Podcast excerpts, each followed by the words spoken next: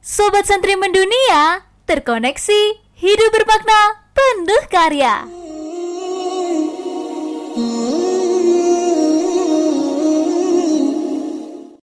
Assalamualaikum warahmatullahi wabarakatuh.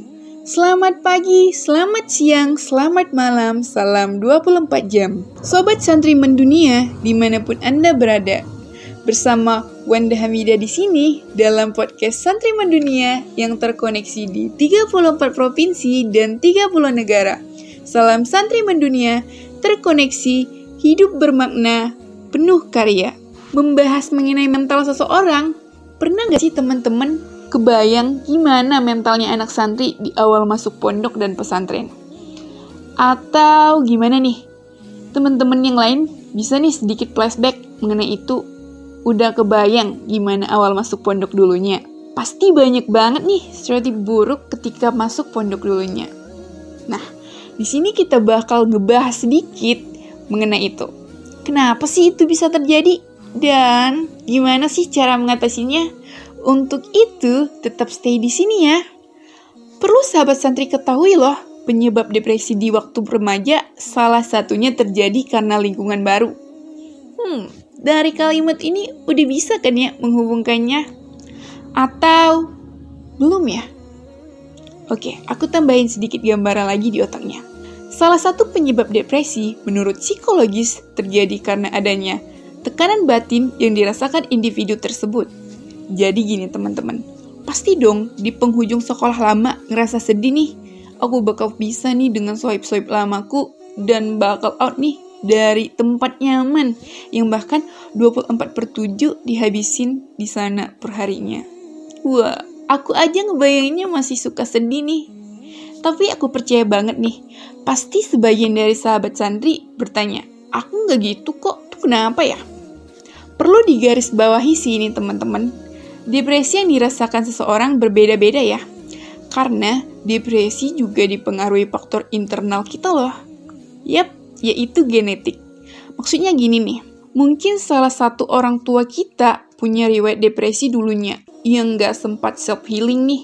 Contohnya gini, dulu pernah dibully di sekolah, otomatis dong orang tua kita pasti mengalami depresi. Dan tolak ukurnya kita pasti akan mengalami depresi, di mana kecenderungan yang lumayan tinggi dirasakan dibandingkan anak-anak lain yang terlahir dari orang tua yang gak punya riwayat depresi. Nah, teman-teman udah punya basic kan kenapa nih kita di awal masuk lingkungan baru yang di sini kita menghubungkan dengan masuk pesantren ya teman-teman mengalami depresi ketakutan seperti itu. Oke. Sekarang kita bakal bahas part di mana bakal muncul pertanyaan, gimana sih cara mengatasinya? Bismillahirrahmanirrahim. Yang pertama, pasti teman-teman ngerasa ngeh gak sih? Stereotip buruk itu muncul karena kurangnya iman. Loh, kenapa?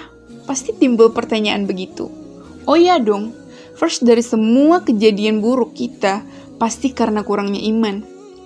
Kenapa begitu?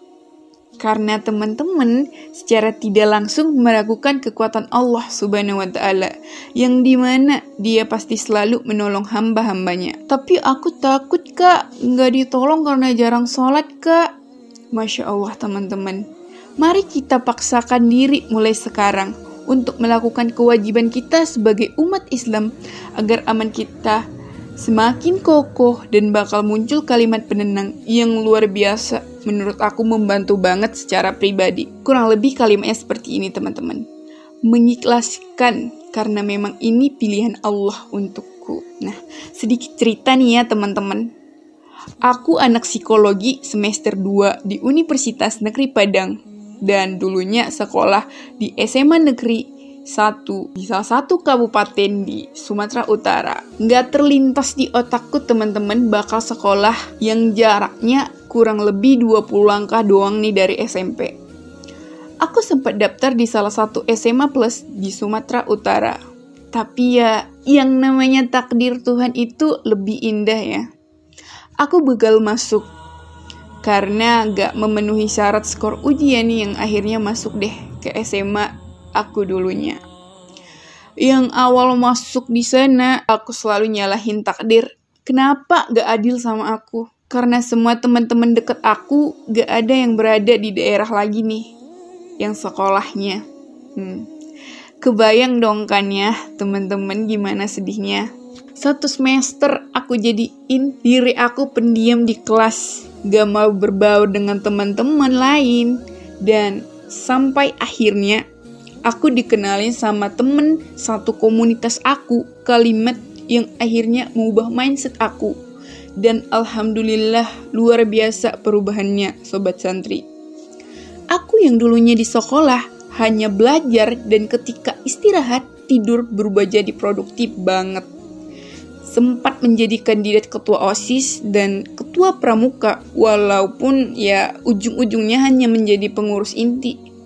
Dan mulai terbuka ikut lomba debat, olimpiade kabupaten dan alhamdulillah bahkan provinsi yang otomatis dong bakal dikenal guru siswa satu sekolah aku dulunya. Subhanallah kan temen-temen.